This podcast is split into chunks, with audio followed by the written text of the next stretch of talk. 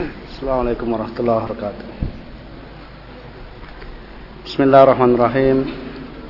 Innal hamdalillah nahmaduhu wa nasta'inuhu wa nastaghfiruh billahi min shururi anfusina wa sayyiati a'malina. May yahdihillahu fala wa may yudlil fala ilaha illallah وحده لا شريك له وأشهد أن محمدا عبده ورسوله.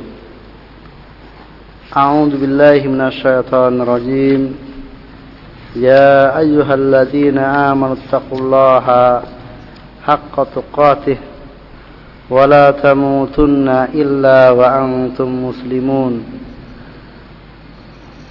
أما بعد فإن أصدق الحديث كتاب الله وخير الهدي هدي محمد صلى الله عليه وسلم وشار الأمور محدثاتها فإن كل محدثة بدعة وكل بدعة ضلالة وكل ضلالة في النار. إخواني وأخواتي في الله رحمني ورحمكم الله. Hadis ke-25 An Abi Dzar radhiyallahu an Aida anna unasan min ashabi Rasulillah sallallahu alaihi wasallam qalu lin nabi sallallahu alaihi wasallam.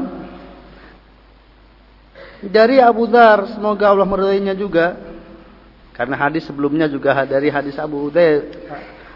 Abu Dzar hadis yang ke-24 bahwa sebagian orang dari sahabat Nabi Shallallahu Alaihi Wasallam mereka berkata kepada Nabi Shallallahu Alaihi Wasallam, Ya Rasulullah, dahaba ahlu dusur bil ujur. Mereka berkata, Ya Rasulullah, para pemilik harta, mereka pergi dengan banyak membawa pahala. Artinya mereka banyak meraih pahala. Orang-orang yang banyak berharta itu dari para sahabat Nabi yang lainnya ini banyak berpahala. Mereka menjelaskan dari si mana mereka banyak berpahala. Yusalluna kama nusalli wa yasumuna kama nasumu wa yatasaddaquna bifuduli amwalihim. Mereka salat sebagaimana kami salat. Mereka puasa sebagaimana kami berpuasa. Namun mereka bersodakoh dengan kelebihan harta yang ada pada mereka. Ini yang tidak kami miliki. Jadi sebagian sahabat Nabi di sana para fukara. Sahabat Nabi yang fakir, yang tidak berharta. Yang mengadukan permasalahan ini kepada Nabi sallallahu alaihi wasallam. Bahwasanya mereka jelas merasa kalah dalam berpahala dibandingkan para sahabat yang kaya karena punya kelebihan banyak berder, berderma dengan hartanya sementara mereka tidak memiliki harta untuk berderma.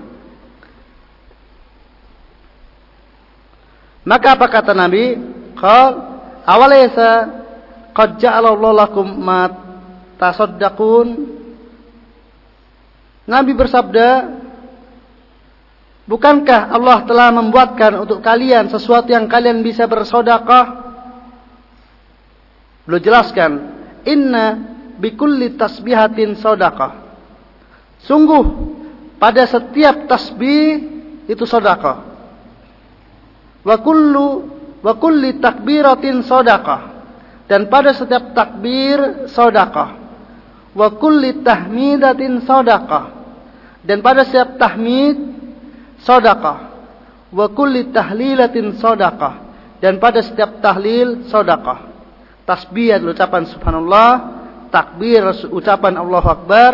Tahmid adalah ucapan Alhamdulillah. Tahlil dan La ilaha illallah. Wa amrun bil ma'rufi sodakah. Demikian juga mengajarkan atau memerintahkan untuk berbuat yang ma'ruf juga merupakan sodakah wa nahyun an munkarin sadaqah. Melarang dari perbuatan yang mungkar juga sodakah.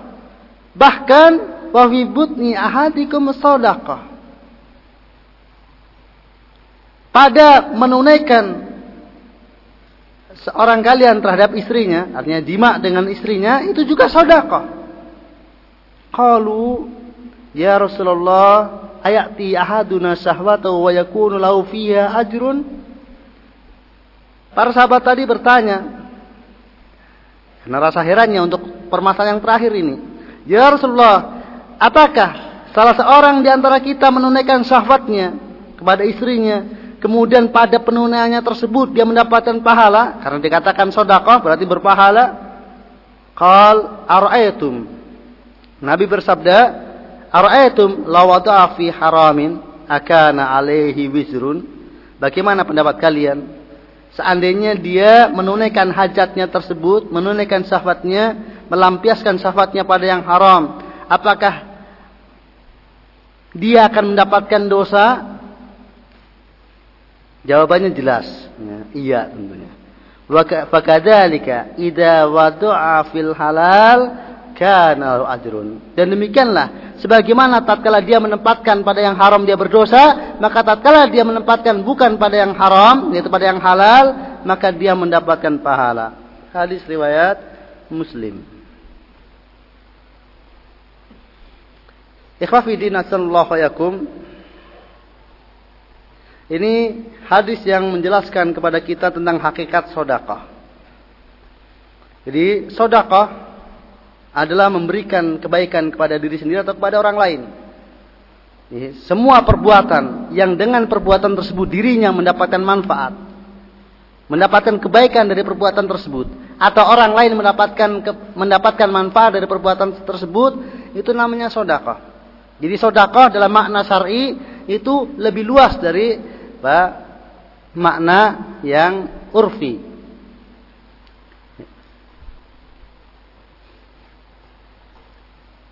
Namun kalau secara urf orang bersodakoh artinya dia memberikan sebagian dari hartanya untuk orang lain. Berbuat baik untuk orang lain. Atau bahkan terbatasi pada mal saja, pada harta. Namun hakikatnya tidak. Sodakoh dalam tinjauan syar'i di sini luas maknanya. Yaitu memberikan kebaikan atau menghasilkan kebaikan, baik manfaat dari kebaikan itu dinikmati oleh sendiri maupun dinikmati oleh orang lain. Dengan demikian sodako maknanya luas, mencakup seluruh kebaikan berupa perkataan atau perbuatan.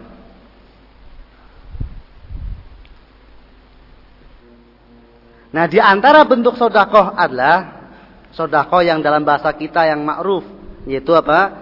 Memberikan sebagian harta yang dimilikinya kepada orang lain. Itu sebagian dari makna sodakoh. Adapun makna sodako itu sendiri luas cakupannya. Kita lihat pada hadis ini, para sahabat ini, lahirnya adalah para sahabat yang fakir, yang fukoro, yang tidak berharta. Kalau mereka berharta, mestinya tidaklah apa menemui permasalahan seperti ini.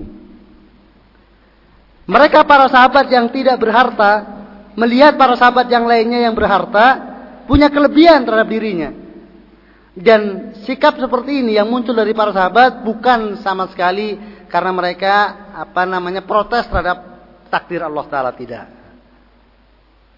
Tapi semangat mereka untuk bagaimana bisa mendapatkan pahala yang banyak. Fastabiqul khairat. Jadi bukan karena mereka apa, apa ngiri dari sisi harta yang dimiliki oleh saudaranya dan tidak terima dengan takdir Allah Taala yang Allah takdirkan kepada mereka sebagai fukara. Namun lebih terdorong dari semangat untuk banyak beramal. Bukankah hasad dalam perkara kebaikan termasuk yang diperbolehkan? Walaupun saya Islam Ibn Taimiyah rahimahullah lebih baik lagi orang kalau tidak berhasad. Jadi tidak ada ghibtah.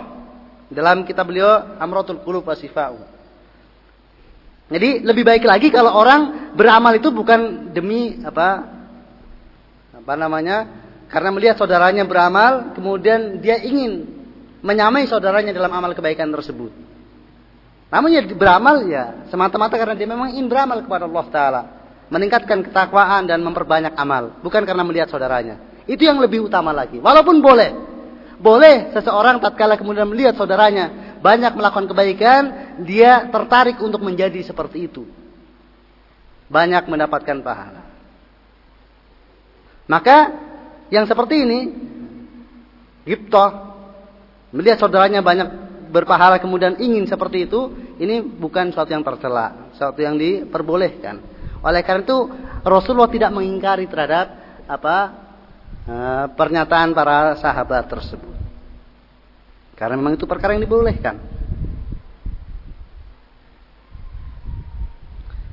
Nah, sisi kelebihan yang dimiliki oleh para sahabat yang berharta tersebut, karena dari sisi ibadah, mereka sama-sama beribadah dengan yang fukoro ini.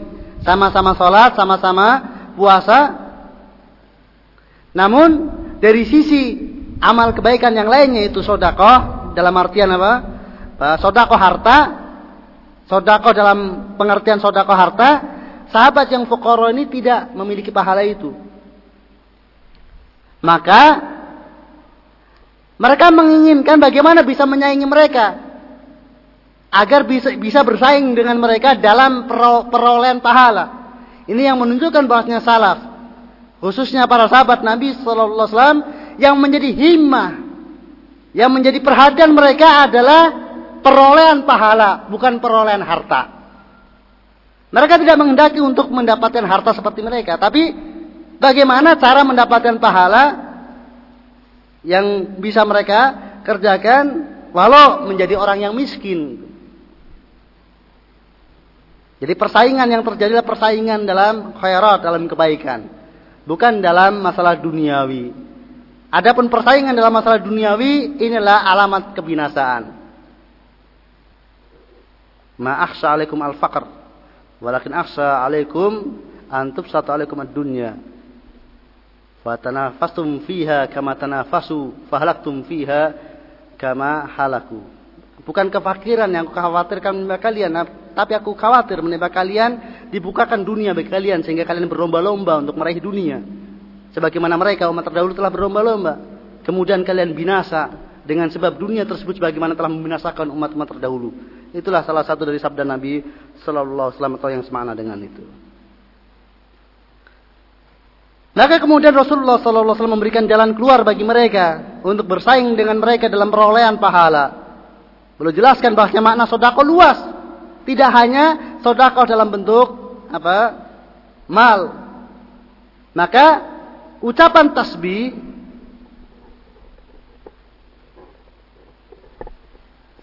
itu termasuk sodako. Tahmid, takbir, tahlil itu sodako. Demikian juga mengajak pada yang ma'ruf dan mencegah dari yang mungkar itu sodakoh. Ini semuanya sodakoh yang dilakukan oleh perkataan. Jadi sodakoh bisa berupa perbuatan, amalia, baik amalia yang sifatnya apa namanya non materi, fisik, dia korbankan tenaganya untuk membantu saudaranya, yang jelas dengan itu saudaranya mendapatkan manfaat atau amalia yang sifatnya materi, dia memberikan sebagian hartanya, itu semuanya adalah sodakoh. Demikian juga perkataan juga, perkataan yang baik, itu sodakoh, baik manfaatnya untuk diri sendiri maupun untuk yang lainnya. Tasbih manfaatnya untuk diri sendiri, tahlil, tahmid untuk diri sendiri. Amar ma'ruf dan nahi mungkar manfaatnya untuk diri dan orang lain. Ini juga sodakoh. Untuk permasalahan tersebut, para sahabat paham dan mukniarnya jelas gamblang bahwa itu semuanya merupakan sodako jelas. Namun tidak untuk yang bafi butni ahadi ahadikum sodako. Penunaian syahwat kepada istrinya kok juga dikatakan sodako. Wong bersenang-senang kok sodako. Itu memang memperturutkan syahwat, nafsu,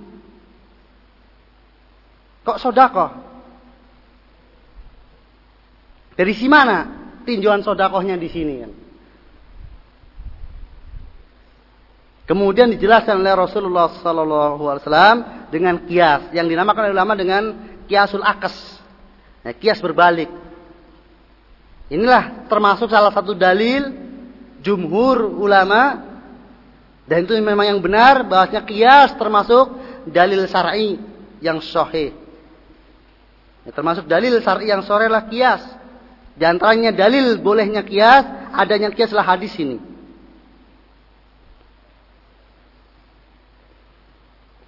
Kiasnya, tatkala seseorang menunaikan syahwatnya pada yang haram, dia mendapatkan dosa.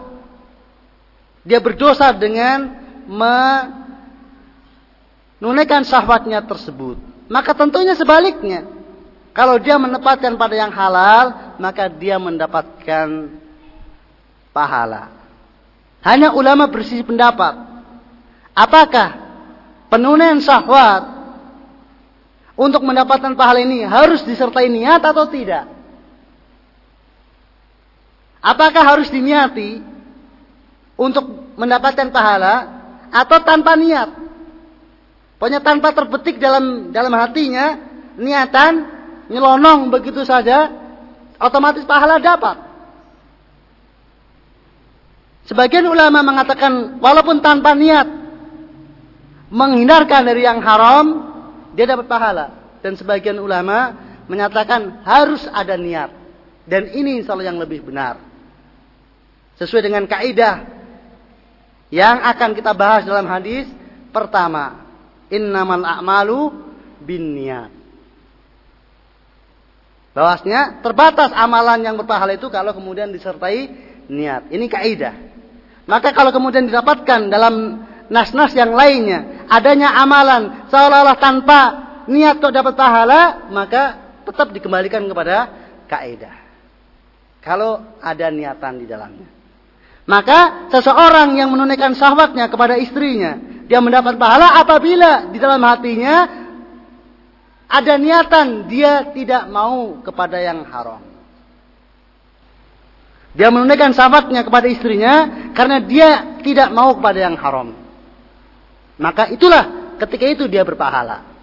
Adapun kalau kemudian tanpa niat maka dia cuma mendapat senangnya saja. Tapi tidak berpahala. Wallahu alam itu di antara dua pendapat yang ada dan yang lebih kuat. Nah, kisah kelanjutan dari hadis ini, jadi ahlu dusur yang memiliki harta yang banyak pun mendengar. Yang namanya hadis Nabi kan mesti akan tertularkan. Maka mereka pun kemudian ya tasbih, ya tahlil, ya tahmid sebagai rutinitas hariannya. Maka kemudian fukara ini lapor lagi. Ya Rasulullah, mereka pun mengikuti sebagaimana yang kita lakukan. Mereka tasbih. Dzalika fadlullah yu'tihi mayyasa. Itulah karunia Allah yang Allah berikan kepada siapa yang dia kehendaki. Dan demikianlah Allah membagi bagi rizki. Baik rizki pahala maupun rizki duniawi. Berbeda satu dengan yang lainnya. Dan masing-masing kita nerima saja terhadap pembagian rezeki tersebut. Yang penting kita berusaha secara maksimal untuk mendapatkan yang terbaik.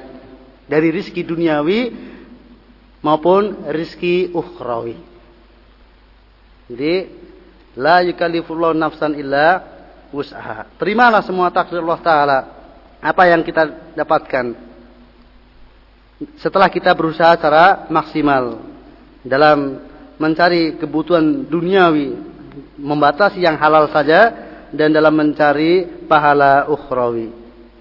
Wallahu alam bissawab. Hadis ke-25 ini jelas jelas